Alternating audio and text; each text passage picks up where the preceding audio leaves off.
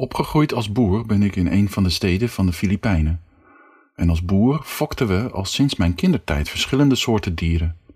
We hielden kippen, geiten, honden, paarden en waterbuffels. Het opvoeden van deze dieren heeft me veel geleerd over respect. Toen onze moeder waterbuffel zwanger werd en een babywaterbuffel ter wereld bracht, gaf mijn vader de baby de naam Octopus. Van mijn broers en zussen was ik degene die het meest voor Octopus zorgde toen hij opgroeide. Ik bracht hem elke ochtend en middag met zijn moeder naar de wei om te kunnen eten en bracht ze naar de rivier zodat ze, voor als de zon heet was, konden baden en om ze water te laten drinken. Door dit dagelijks te doen kreeg ik een hechte band met de waterbuffels, vooral met Octopus, die elke dag meer mijn vriend werd. Ik genoot ervan hem te voeren en met hem te spelen. En elke keer als hij brutaal was, sprak ik hem bestraffend toe, zodat hij gehoorzaam zou opgroeien. Ik reed zelfs vaak op zijn rug toen hij groot genoeg was om mij te kunnen dragen, en terwijl hij gras at, lag ik op zijn rug en soms viel ik op zijn rug in slaap. Elke dag als ik naar het weiland ging en zijn naam riep, rende hij naar me toe, legde zijn nek op mijn schouders en riep: Maar! Alsof hij me elke keer begroette als ik hem riep. Toen Octopus groeide en mijn vader zag dat hij oud genoeg was om getraind te worden voor het ploegen op de boerderij, ging mijn vader hem leren om het maisveld om te ploegen. Mijn vader had echter problemen met het trainen omdat Octopus de bevelen van mijn vader niet opvolgde. Omdat mijn vader het moeilijk vond Octopus op te leiden voor dit werk, besloot hij hem te verkopen en daarvoor in de plaats een andere waterbuffel te kopen die wel getraind kon worden om het land te bewerken. Ik zat toen op de basisschool en toen ik thuis kwam van school vertelde mijn vader mij over zijn plan om Octopus te verkopen. Ik schrok heel erg toen ik dit hoorde en ik voelde een onmetelijke pijn in mijn hart, omdat Octopus mij dierbaar was geworden en ik mij niet kon voorstellen hem op een dag te moeten missen. Dus sprak ik met mijn vader en vroeg hem mij een kans te geven om Octopus op te leiden om het land te bewerken. En ik verzekerde mijn vader dat Octopus een geweldige waterbuffel zou worden om ons land te bewerken. Mijn vader stemde in met mijn verzoek. De volgende dag ging ik niet naar school, omdat ik mijn beste vriend Octopus wilde leren ploegen, zodat mijn vader hem niet zou verkopen. Mijn vader was erbij om te observeren wat er met mij en Octopus zou gebeuren. We waren allebei verbaasd om te zien dat Octopus alle bevelen uitvoerde die ik hem gaf. En vanaf het moment dat ik hem voor de ploeg spande, deed hij niet wat hij mijn vader had aangedaan, maar hij luisterde naar mij en volgde mijn bevelen op. En zo leerde Octopus diezelfde dag nog het veld te ploegen en volgde al mijn bevelen op zonder ook maar enige weerstand te geven.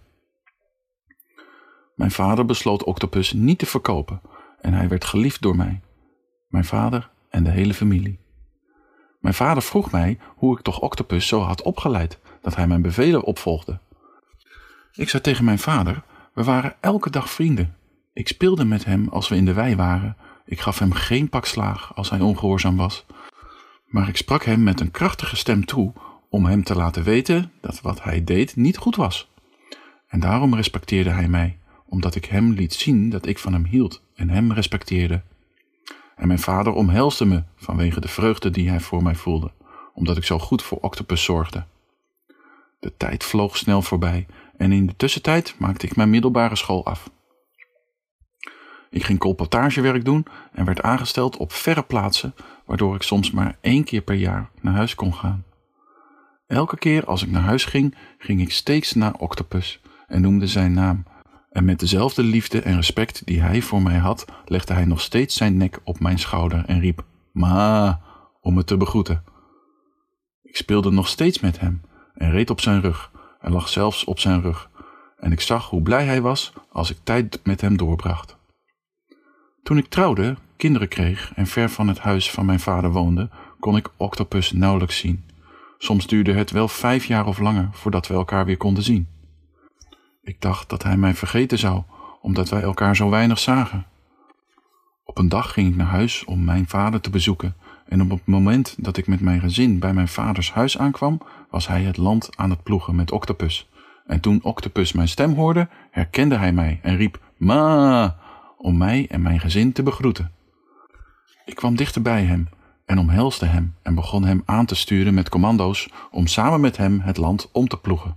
En tot de verbazing van mijn vader en broer kon ik Octopus zelfs zover krijgen om dat deel van mijn vaders land te ploegen dat erg moeilijk te bewerken was. Mijn vader vertelde me, omdat ik er niet was, Octopus nooit naar dat moeilijke deel ging en hij hun bevel niet gehoorzaamde. Ik was erg blij om te zien dat de liefde en het respect van Octopus voor mij onveranderd was gebleven, ondanks het verstrijken van de tijd. En op de dag dat hij stierf, hebben we allemaal veel gehuild vanwege de herinneringen die hij in ons leven had gegeven. En mijn vader en broers begroeven hem na zijn dood in een diepe put. Maar zijn herinnering bleef, zelfs tot nu toe, in mijn hart. De lessen van liefde en respect die Octopus voor mij had, deden me denken aan hoe geweldig onze wereld zou kunnen zijn als er meer liefde en respect zou zijn tussen mensen, families en vrienden in de samenleving. En deed mij concluderen dat een dergelijke sfeer waarin liefde en respect alom aanwezig zijn, mogelijk kan worden bereikt door menselijke wezens die door God zijn geschapen, met een hogere intelligentie dan die van de dieren ten opzichte van hun eigenaar kan doen. Laten we eens kijken hoe belangrijk respect is in verschillende aspecten van de samenleving. Respect in de samenleving. De huidige situatie in onze maatschappij geeft ons een duidelijk beeld van het zekere resultaat wanneer het respect in de samenleving verloren gaat. Politici gebruiken geweld en invloed om vrede en orde in de verschillende gemeenschappen te brengen, maar slagen er toch niet in om die te bereiken. We zien dagelijks oorlogen, moorden, geweld tegen vrouwen en kinderen, opstanden en verschillende vormen van misdaad, ondanks de aanwezigheid van politie en legers in verschillende delen van de samenleving. We kunnen ons afvragen waarom dit in de verschillende samenlevingen gebeurt, terwijl de meeste mensen geloven dat vrede kan worden bereikt wanneer de leiders van de verschillende landen met een sterke politieke wil en de steun van het leger en de politie op dat gebied succes kunnen boeken. Het antwoord ligt in het individuele respect van mensen voor de verschillende leiders van de gemeenschap of het land. Politici, militairen en politiefunctionarissen gebruiken hun invloedsposities om het geweten van het volk of hun ondergeschikten te dwingen hun bevelen op te volgen, uit angst voor straf of bestraffing als ze zich tegen de autoriteiten verzetten. Dit werkt enigszins, maar er is een verschil tussen onderwerping met geweld of een onderwerping die uit respect geschiet. De Bijbel geeft ons het geheim van een vreedzame samenleving. In 1 Petrus 5, vers 2 en 3 en 5 staat: Hoed de kudde van God die bij u is en houd daar toezicht op. Niet gedwongen, maar vrijwillig. Niet uit winstbejag, maar bereidwillig. Ook niet als mensen die heerschappij voeren over het erfdeel van de Here, maar als mensen die voorbeelden voor de kudde geworden zijn. Evenzo, jongeren, wees aan de ouderen onderdanig en wees allen elkaar onderdanig. Wees met nederigheid bekleed, want God keert zich tegen de hoogmoedigen, maar de nederige geeft hij genade. Hier is het woord respect samengevat dat hard nodig is in de samenleving. En hierin ligt de basis van de vrede die onze chaotische samenleving nodig heeft. In een samenleving die bestaat uit vele individuen met verschillende etniciteiten, culturen, temperamenten, levensstijlen en educatieve achtergronden, is respect meer dan al het andere nodig om vrede in de gemeenschap te brengen. Geweld, macht en invloed kunnen in geringe mate tijdelijke vrede brengen, maar respect kan in grote mate vrede brengen die kracht, macht en invloed niet kunnen bewerkstelligen. Respect op de werkplek. Iemand die als huishoudelijk medewerker werkzaam is, wordt vaak beschouwd als iemand van het laagste niveau en krijgt weinig respect.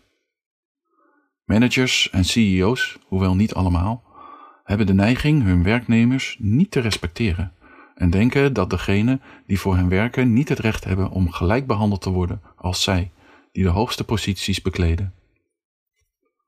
Vaak hebben werknemers in de schoonmaaksector een zware werklast en quota's opgelegd, waarbij die arme werknemers soms niet eens de tijd hebben om fatsoenlijk te eten, alleen maar om te voldoen aan de opdrachten van hun managers.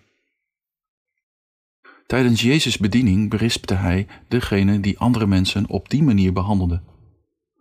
In Matthäus 23, vers 4 zei Jezus: Want zij binden lasten samen die zwaar zijn en moeilijk om te dragen, en zij leggen ze op de schouders van de mensen, maar zij willen die zelf met geen vinger verroeren. Jezus veroordeelde de manier waarop iemand zo zijn medemens behandelt. Of het nu gaat om de schoonmaker of de directeur van een bedrijf, iedereen verdient het om door anderen gerespecteerd te worden, omdat ze een schepsel van God zijn. Ik heb een vriend die een klein levensmiddelenbedrijf heeft. Hij behandelt al zijn arbeiders gelijk. Hij respecteert hen en toont begrip voor hun fouten, en het resultaat is opmerkelijk. Zijn medewerkers werken graag voor hem en doen hun werk correct. Hij wordt gerespecteerd door zijn werknemers en ze zijn eerlijk tegen hem. En zijn bedrijf wordt alsmaar groter. Respect in het gezin. In veel gezinnen worden kinderen behandeld als het bezit van hun ouders, bijna gelijk aan bezittingen en niet als een deel van het gezin. Ouders maken plannen en nemen beslissingen zonder hun kinderen daarbij te betrekken, met als gevolg dat kinderen hun ouders onteren en zelfs tegen hen in opstand komen. In veel gevallen vinden kinderen geen vrede en geluk in het gezin en zoeken ze dat geluk in de buitenwereld of bij vrienden, wat leidt tot invloeden die hun leven kunnen verwoesten. Het woord van God geeft ouders instructies hoe ze hun kinderen moeten opvoeden. In Efeze 6, vers 4 staat: En vaders, wek geen toren bij uw kinderen op, maar voed hen op in de onderwijzing en de terechtwijzing van de Heere. Terwijl kinderen hun ouders moeten liefhebben en respecteren, moeten ouders ook respect tonen voor hun kinderen. De gedachte dat kinderen geen recht hebben op respect in de familiekring brengt veel kinderen tot een probleem in de samenleving. Maar kinderen deelgenoot van de plannen en besluitvorming in het gezin en zij zullen op een opmerkelijke manier leren hun ouders te vertrouwen, lief te hebben en te respecteren. Als in de gezinnen liefde en respect in praktijk waren gebracht door zowel ouders als kinderen, zouden we een gelukkige en vreedzame samenleving kunnen hebben, omdat het gezin de hoeksteen van de samenleving is. Hoe respect te verkrijgen? Respect wordt gedefinieerd als gepaste aandacht voor de gevoelens, wensen, rechten of tradities van anderen. Psychologen zeggen: respect is niet iets dat van iemand gevraagd moet worden, maar het wordt vrijelijk gegeven aan degene die het verdient. Politie en militairen, politici, CEO's en managers kunnen respect vragen van hun ondergeschikte en arme werknemers, maar zijn niet bereid om zelf respect voor hen te hebben.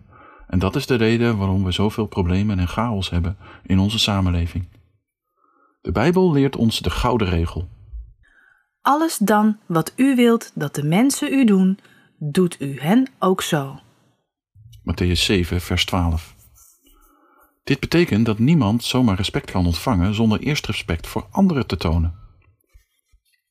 In mijn ervaring met onze waterbuffel Octopus en mijn vriend die een bedrijf heeft, kunnen we concluderen dat u absoluut respect kunt krijgen als u ook leert om respect te hebben voor anderen, zelfs voor domme dieren. Laten we stoppen met het vragen van respect van de ander. Maar laten we veel liever aan hen respect tonen, zodat zij in ruil daarvoor ons zullen respecteren. Dit is wat de hele wereld nu nodig heeft.